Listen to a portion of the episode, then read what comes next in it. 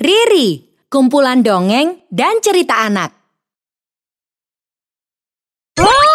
Yuk dukung Riri dengan menekan tombol subscribe. Jangan lupa bunyikan tanda lonceng untuk notifikasi. Selamat menonton. Legenda ular kepala tujuh Dahulu kala, di sebuah daerah Lebong, Bengkulu, terdapat sebuah kerajaan yang makmur bernama Kutai Rukam. Kerajaan ini dipimpin oleh raja bijaksana bernama Raja Bikau Bermano. Sang raja mempunyai delapan orang anak. Semua delapan anak raja Bikau Bermano adalah laki-laki. Mungkin kalian semua sudah tahu kenapa kalian aku kumpulkan di sini. Jadi minggu depan kakak kalian Gajah Meram akan melangsungkan pernikahan dengan Putri Jinggai dari kerajaan Sukanegeri. Kabar baik tersebut disambut oleh saudara-saudara Gajah Meram dengan sukacita. Selamat ya kak. Selamat ya kak. Terima kasih saudara-saudaraku. Hingga hari yang dinanti pun tiba. Pesta yang meriah diselenggarakan di Istana Kerajaan Kutai Rukam. Berbagai hidangan yang lezat disajikan oleh pihak kerajaan untuk menyambut para tamu. Gajah Meram dan Putri Jinggai pun tampak bahagia di pelaminan. Hingga tiba pada prosesi acara, kedua mempelai mandi bersama di tempat pemandian tepi Danau Tes. Dalam prosesi ini, hanya kedua pengantin yang boleh mendekati danau untuk berendam bersama.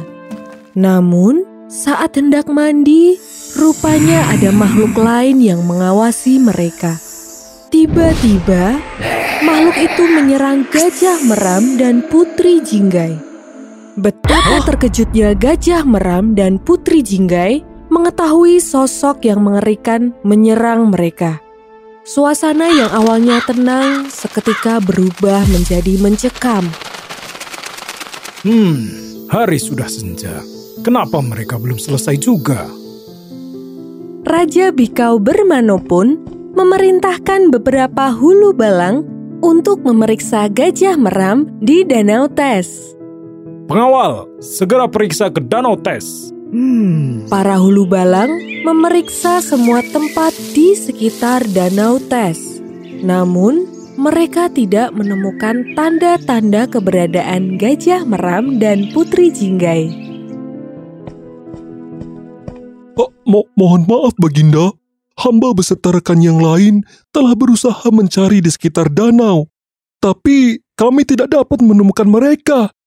Tidak adakah di antara kalian yang mengetahui keberadaan putra dan calon menantuku? Semua penghuni istana kerajaan dan tamu hanya terdiam dan saling pandang. Hingga tiba-tiba suara orang tua memecah keheningan. Maaf Baginda, hamba merupakan kerabat dari Putri Jinggai. Izinkan hamba untuk menyampaikan sesuatu. Silakan paman untuk berbicara. Barangkali bisa menjadi petunjuk keberadaan Gajah Meram dan Putri Jinggai. Ampun Baginda Raja, setahu hamba, putra mahkota dan Putri Jinggai diculik oleh Raja Ular yang bertahta di bawah Danau Tes. Ular kepala tujuh sangat sakti dan juga licik, kejam, dan suka mengganggu manusia yang sedang mandi di Danau Tes. Ular kepala tujuh, aku pernah mendengarnya. Kukira itu hanya mitos. Kalau hal itu benar, maka kita harus segera menyelamatkan mereka sekarang juga. Kita harus memikirkan cara untuk mengalahkan ular kepala tujuh. Semua tamu kembali terdiam. Tidak ada yang berani untuk menghadapi ular tersebut. Tiba-tiba, ada seseorang yang mengajukan diri. Ayahanda, izinkan aku untuk menyelamatkan Kak Gajah Meram dan Putri Jinggai. Gajah Merik, kau masih 13 tahun. Aku tidak mau kehilangan seorang putra mahkota lagi. Apa yang membuatmu berani menghadapi ular tersebut? Ayahanda jangan khawatir. Sejak umur 10 tahun, aku selalu bermimpi didatangi oleh pertapa sakti. Ia selalu mengajariku kesaktian. Baiklah putraku tercinta Gajah Merik.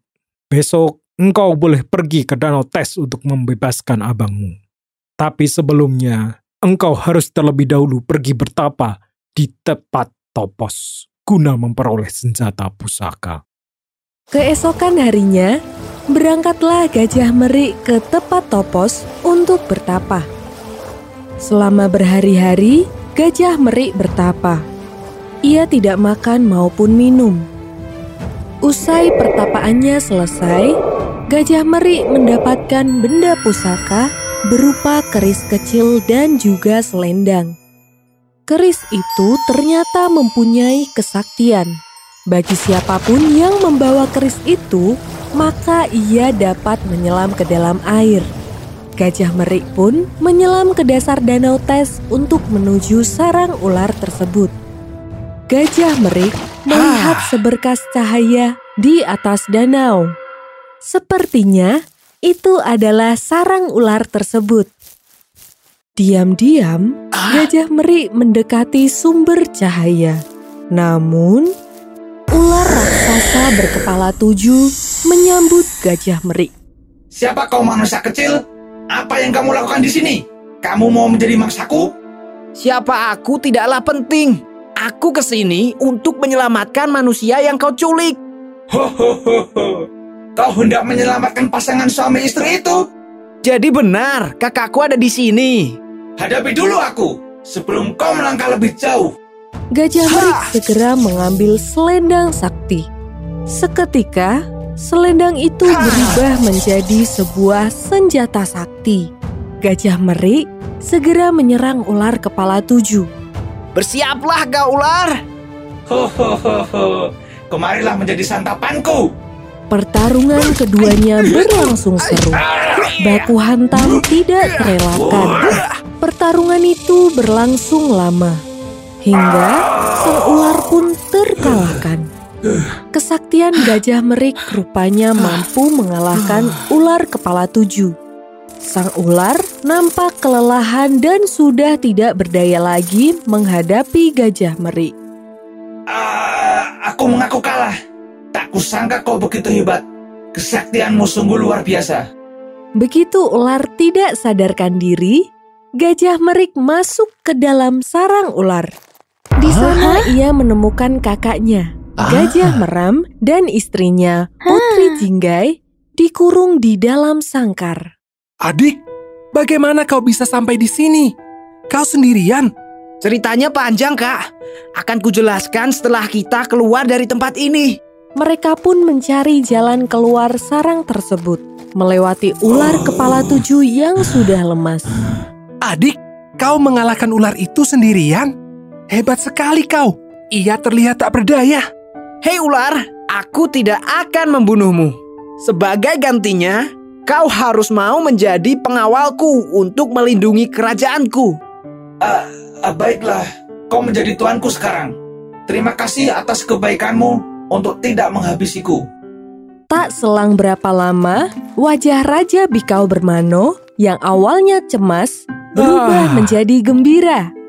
Gajah Meram, Putri Jinggai, dan Gajah Merik pulang ke istana dengan selamat. Tak berapa lama setelah kejadian tersebut, acara penyerahan tahta diadakan. Gajah Meram, kau kini kuangkat sebagai raja dari kerajaan Kutai Rukam. Pimpinlah kerajaan ini dengan bijaksana. Mohon ampun ayahanda, hamba hargai keputusan ayah untuk memilih hamba sebagai pemimpin negeri ini. Namun hamba rasa masih ada yang lebih pantas untuk mengampu jabatan tersebut. Ialah Gajah Merik. Aku? Kau sungguh terbilang dewasa, sekalipun usiamu masih muda. Kau juga pemberani dan cepat mengambil keputusan. Ta tapi kak, Ternyata keputusan Gajah Meram memberikan tahta yang seharusnya dipegangnya kepada adiknya disetujui oleh saudara-saudara lainnya. Raja pun juga setuju. Gajah Merik Hmm. pun diangkat menjadi Raja Kutai Rukam berikutnya.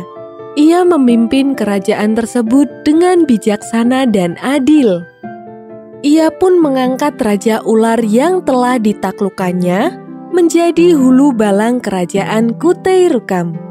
Ia menjaga kerajaan tersebut agar terhindar dari serangan musuh. Kerajaan Kutai Rukam pun menjadi aman sentosa. Pesan dari cerita ini adalah dalam setiap keberanian dapat berbuah kebijaksanaan. Halo teman-teman dan kakak-kakak semua. Pengen bisa bikin komik, game, dan animasi seperti Riri? Ikuti pelatihannya di GameLab aja. Kunjungi website kami di www.gamelab.id slash kelas kreator. Dijamin gampang, siapa aja bisa.